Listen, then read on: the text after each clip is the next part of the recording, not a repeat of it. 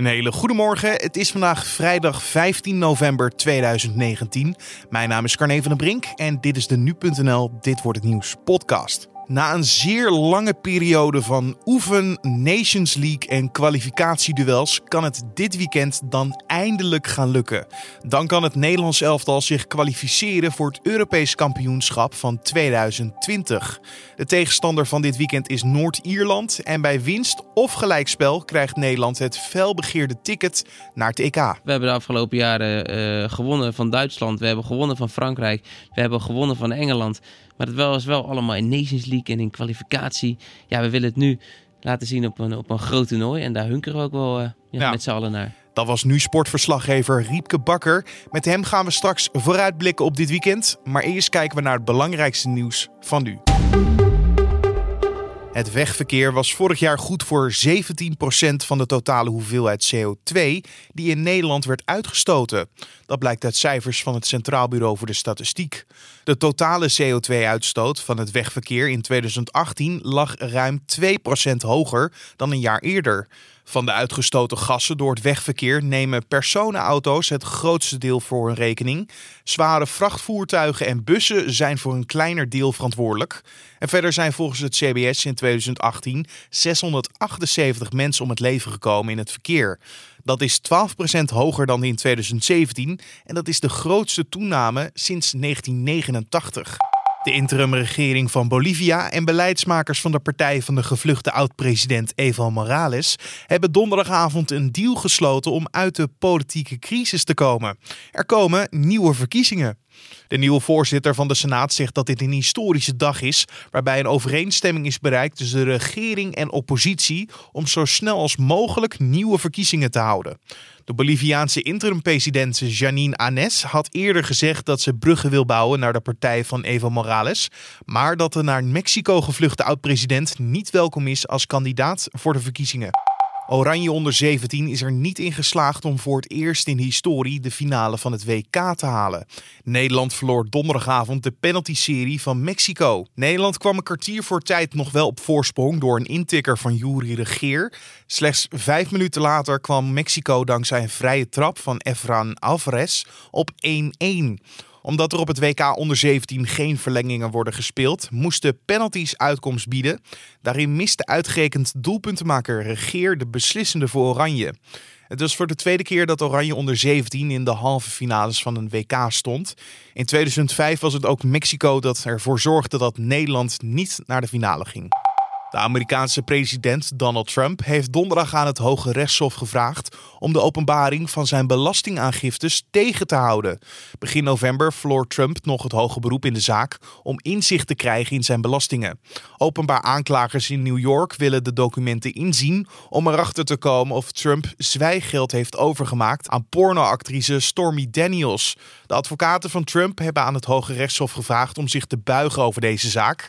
Zij zeggen dat de grondwet aangeeft dat een in functie zijnde president van de Verenigde Staten immuun is voor een crimineel onderzoek. S werelds oudste in gevangenschap levende zuidelijke witte neushoorn is overleden. Sana, zoals het dier werd genoemd, stierf donderdag op 55-jarige leeftijd in een dierentuin in Frankrijk, zo meldt persbureau AFP. Sana werd in 1964 geboren in een Zuid-Afrikaanse natuurreservaat. De witte neushoorn verhuisde zeven jaar later naar Duitsland, waar ze in verschillende dierentuinen woonde. In 1993 werd ze overgebracht naar een net geopende dierentuin in Frankrijk, waar ze de laatste 26 jaar van haar leven doorbracht. De levensverwachting van witte neushoorns in het wild is ongeveer 50 jaar, dus ze heeft het heel knap met vijf jaar kunnen verlengen. Haar verzorgers laten weten diep geraakt te zijn door haar dood. En dan gaan we over naar de orde van de dag, oftewel dit wordt het nieuws. Zoals ik aan het begin van deze podcast dus al zei, het is dit weekend dan eindelijk zover. Het moment waar iedere voetballiefhebber of trotse Nederlander naar uit heeft gekeken. Het moment dat je de zin hoort, het Nederlands elftal gaat officieel naar het Europees kampioenschap van 2020. Het enige wat wij daarvoor nog moeten doen is winnen of gelijk spelen tegen Noord-Ierland. En de sfeer binnen het elftal lijkt goed, relaxed en speels te zijn. Dus het perfecte recept voor een goede voorbereiding. Maar gaat het daadwerkelijk zo goed met Oranje of is dit allemaal theater? Dat vroeg ik aan nu sportverslaggever Riepke Bakker. Want is er iets negatiefs te bedenken over deze groep of de komende wedstrijd? Nou, we weten één ding zeker wat er gaat gebeuren in, uh, in Belfast. Negatief. Oh, uh, de, de, je weet het niet? Nee, nee ik weet het niet. Ik, ik, voorspel, we komen op achterstand. Oh. nee, want als je, als je naar de wedstrijden van het Nederlands elftal kijkt in 2019... 0-1 achterstand tegen Noord-Ierland, 1-0 tegen Duitsland... 1-0 tegen Portugal achter, 1-0 tegen Engeland achter... 2-0 tegen Duitsland achter... Dus uh, ja, eh, we kunnen het hebben over wat een veerkracht en wat een uh, geweldig team. En uiteindelijk winnen ze ook bijna altijd wel. Maar we komen wel altijd even achter. Dus dat zou ook zomaar weer eens in, uh, in Belfast kunnen gebeuren. Je zou kunnen zeggen dat het Nederlands zelf eigenlijk een soort comeback kit is. Ja, nee, dat, ja, dat, uh, dat is een, een schitterend woord om deze, ja, deze, deze geoliede machine heeft even nodig om op gang te komen. Ja, want als we het hebben over die geoliede machine, in welke fase zit Oranje momenteel? als je het hebt over een groep beginnelingen die het nog allemaal waar moeten maken, of is het meer al wat geroutineerde spelers? Nou, we, we, hebben een soort tussengroep. Hè? De, de eindtwintigers noem ik ze maar eventjes. De Wijnaldum, de Blind, de Sillissen, de Strootman, de Van Dijk. Die hebben ja, geen eindtoernooi of, of hooguit één eindtoernooi echt meegemaakt. En die, ja, die zijn nu de grote ervaren meneren en die willen het laten zien. En daarachter zit een hunkerende jonge groep waar iedereen ontzettend nieuwsgierig naar is. Waar echt super talent bij zit. Wat, uh, wat ja, eigenlijk op dit moment uh, ja, aansluiting vindt met, met, met de wereldtop al. Hè. We hebben de afgelopen jaren uh, gewonnen van Duitsland. We hebben gewonnen van Frankrijk. We hebben gewonnen van Engeland. Maar dat was wel allemaal in Nations League en in kwalificatie. Ja, we willen het nu laten zien op een, op een groot toernooi. En daar hunkeren we ook wel ja, ja. met z'n allen naar. We verloren uiteindelijk ook de finale in de Nations League natuurlijk van Portugal. Maar als we toch een beetje in die duistere route opgaan... moeten we het nog hebben over de jaren dat we ons elke keer niet kwalificeerden? Van mij mogen het daarover hebben. Je, je hebt gewoon het, het probleem gehad. Kijk, we hebben de, de Snijder, de Robben, de Van Persie, de, de Van der Vaart. En dat is gewoon de, generatie 83, 84 geweest. En als je puur kijkt naar de, naar naar de voetballers uit, uit, uit Nederland. Wanneer zijn die geboren? Nou, die extreme talenten, daar zit een soort wak, een soort groot gat tussen 1985 en 1995. Als u kinderen heeft in die tijd, die in die tijd geboren uh, zijn, nou, dan heeft u toch iets verkeerd gedaan. Want er zit geen grote voetballer, is er, is er geen uit, uitmuntend talent is er echt uitgekomen. En je ziet in de jaren 96, 97, 98. Ja, dan worden de Van de Beekjes, de Bergwijns, de Malen, de Stenks en Matthijs de Lichte geboren. De extreme talenten weer, die je eigenlijk uh, als opvolger ziet van de Snijders en de, en de Van der Vaarts. Maar die moesten dus heel lang door en waren op een gegeven moment uh, op. En nu, nu staat er eindelijk vervanging klaar. Iets te laat heeft ons twee toernooien gekost. Ja, want niet alleen voor de spelers is het natuurlijk spannend om uiteindelijk weer naar een eindtoernooi te gaan. Voor heel veel spelers, je zei het net al, is dat nooit aan de orde geweest. Elke keer net niet. Of waren ze nog eens niet oud genoeg om uh, voor Oranje uh, uit te komen. Maar ook voor supporters is het een hele nieuwe generatie die opeens zes jaar lang hebben moeten wachten. Die misschien nu optisch kunnen genieten van het spektakel. Voor hun is het ook wat nieuws straks in 2020. Ja, ik, heb uh, nichtjes van, uh, wat is het, 8 en 7. Ja, als je het over Nederland zelf denkt, dan denken zij aan vrouwen. Dan denken ze ja, aan de, de Oranje Leeuwinnen. Aan de, aan de Oranje Leeuwinnen. Want dat, ja, dat, zijn de, de, dat is het Nederlands elftal wat meedoet in de wereldtop en op WK's en EK's heel ver komt. Dus ja, we gaan iets bijzonders meemaken. Uh, na zes jaar weer een, een oranje zomer. En daar zijn we echt aan toe. En daar zijn we ook wel een beetje aan toe, omdat hierna is het in Qatar. En dan hebben we een winters WK, dus dan hebben we ook niet echt die oranje zomer. Dus ja, dit is ook de zomer waarom wij, waarin wij ja, iets, iets moois mogen beleven... en waarin de hele Nederlandse horeca in de handen mag wrijven. Want het gaat weer grote schermen naar buiten en genieten van een fantastische generatie voetballers. Ja, we zijn natuurlijk Nederlanders, dus we verwachten gelijk dat we met 5-0 verwachten. Althans, jouw cijfers zeggen dat we eerst uh, 1-0 achterkomen. En dan maken we er 1-5 van misschien. Maar uh, laten we niet te hard van stapel lopen. Ze moeten eerst winnen of gelijk spelen, toch? Ja, puntje, gelijk spelen kan ook nog. Puntje is, is, is genoeg. Dan ga je naar het EK. En, en mochten we verliezen, dan heb je weer een wedstrijd tegen Estland. Nou, die ja. kan je dan winnen. En dan ga je nog naar het EK toe. En mocht je dat weer verliezen, dan is er weer een, een, een, een kans in de play-offs. Dus we gaan het sowieso halen. Uh, maak je geen zorgen. Alleen de vraag is met wie we uh, deze wedstrijd uh, gaan beginnen. Vooral de voorhoede is een groot vraagteken. Ja, nou ja, we missen misschien hè, Memphis Depay. Dat is het, het, vraagteken. En ja, Memphis Depay is de, de dodelijk effectieve spits van, uh, van Oranje. Althans, onder Koeman. Ik pak nog eventjes de statistiekjes erbij. 38 keer gescoord heeft Oranje onder Koeman. En 21 keer was Memphis Depay erbij betrokken. 11 goals, 10 assists. Dus ja, het is de grote vraag, uh, wie gaat er in de spits staan? Dat zal Boadou, Weghorst, De Jong en Babel zijn dan de kanshebbers. En verder, ja, we missen ook Malen, we missen Bergwijn voorin. Dus ja, daar zou kans zijn ook om bijvoorbeeld een, een Stenks te laten debuteren. Of Promes gaat waarschijnlijk spelen. je Babel die gaat spelen. Er zijn wel wat vraagtekentjes. De, Koeman zou bijna al een beetje kunnen gaan experimenteren richting de EK. Maar denk je dat Koeman dat aandurft? Want het is wel een coach die altijd heeft gezegd: ik hou het liefst aan mijn eigen ideeën, aan mijn eigen plannen, aan mijn eigen selectie die ik heb gebroeid in deze hele periode. Denk je dat hij het nog aandurft om misschien wat te experimenteren met debutanten zoals een Stenks en uh, een Boadu? Logische, Koeman kennende gaat het pas gebeuren tegen Estland. Dat is dinsdag, dan zijn we al geplaatst. Dat hij dan misschien met een, met een Boadu gaat spelen en met een, met een Stenks gaat spelen. En dat hij dan nu nog terugvalt op de, de, de promessen en, uh, en, en voor de, duidelijkheid voor de luisteraar, uh, Boadu en Stenks is je niet ja. een grote voetballiefhebber. Dat zijn eigenlijk op dit moment de topspelers van AZ. Ja, dat, nee, dat is het aanvallende talent wat er nu aankomt, zit er voor het eerst bij. Uh, de, de 20 en 18 jaar Boadu pas. Hij kan de eerste 18-jarige in Oranje scoren sinds, uh, sinds Babel. Dat 15 jaar geleden deed. Dus echt piepjong er nog bij. Maar door die blessures Eigenlijk had Koeman zoals in maart willen testen. Ja, zit ze er nu al bij en kan Koeman ze misschien uh, nu al gaan testen. Ja. ja, dan nog even over de tegenstander van zaterdag. We zouden ze bijna vergeten. Noord-Ierland. Eigenlijk een simpele vraag. Was jij net zoals ik verbaasd over de kracht en de kwaliteit van de Noord-Ieren de vorige wedstrijd? Ja, in de tijdwedstrijd bedoel je, in de Kuip. Ja. Nou ja, kijk, het zijn voetballers die allemaal op een lager niveau in Engeland spelen. Of, of onder in de Premier League of in de Championship of in de League One. Dus één ding kunnen ze heel, heel goed. Dat is uh, heel hard werken en het is heel fysiek spel. En het, ja, het is de nummer 34 van de FIFA-ranking. Ze hebben gewoon een speler, Paddy McNair. Die krijgt één opdracht. Dat is loop gewoon de hele wedstrijd lang Frenkie de Jong voor de voeten. Nou, ja, dat doet hij... Uh, dat heeft hij uh, redelijk goed gedaan. En dan kan je met een soort anti-voetbal kan je Oranje uh, ja, redelijk stilhouden. En dan heel laf stiekem toch nog op 1-0 voorkomen. En bijna winnen in de Kuip. Dat kan. Maar ja, het, het, is, het is vooral werkvoetbal. Het is, het is niet heel leuk om naar te kijken.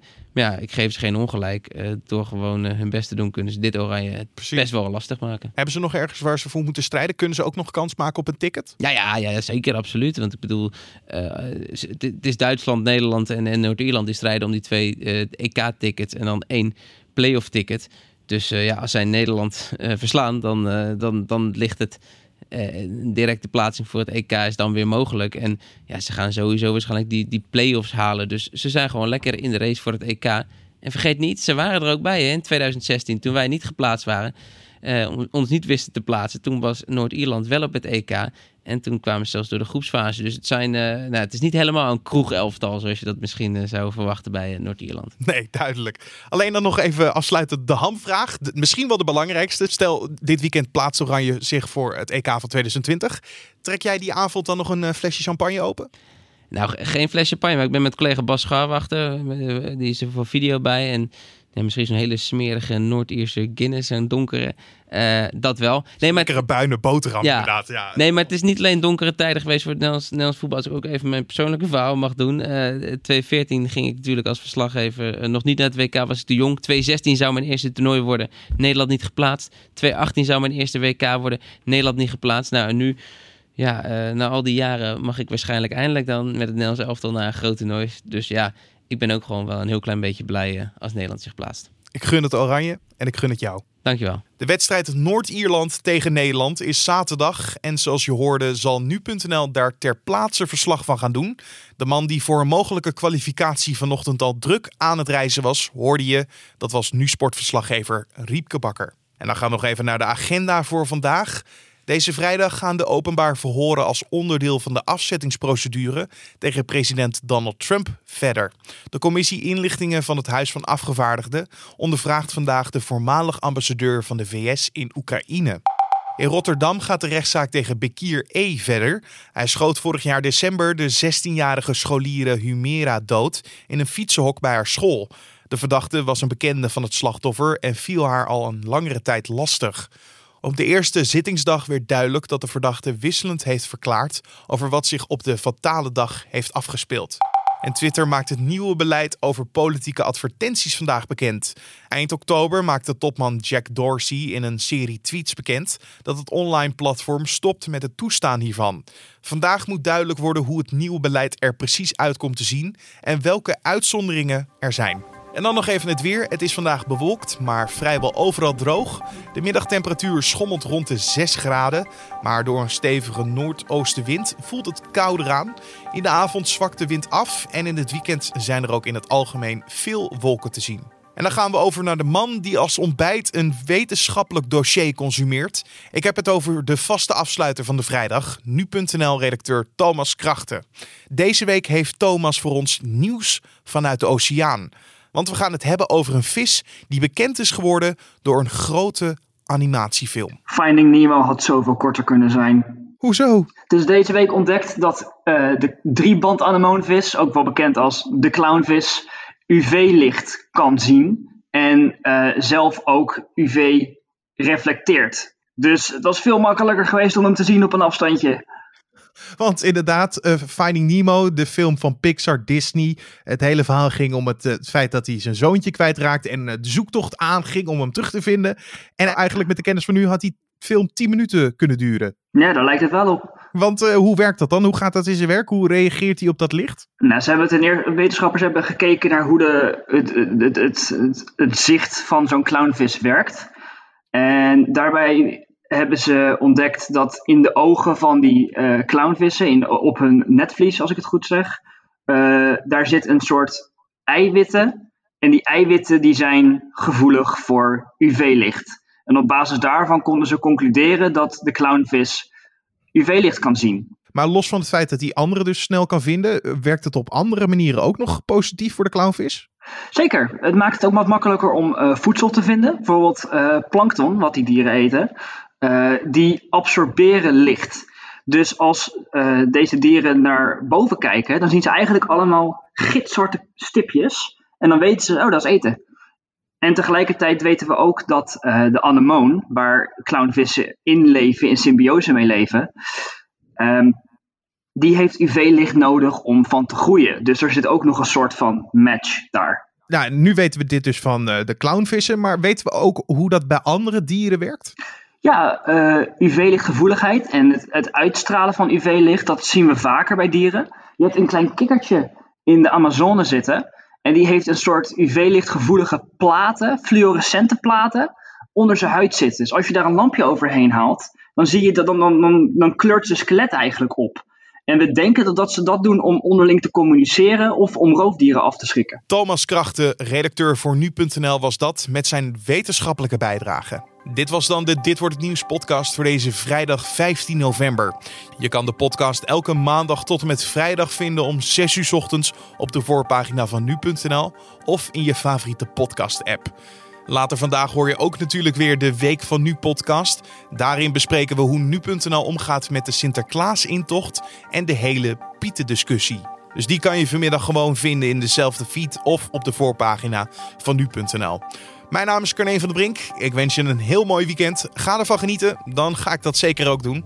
En dan zijn we er maandagochtend weer. Dus tot dan.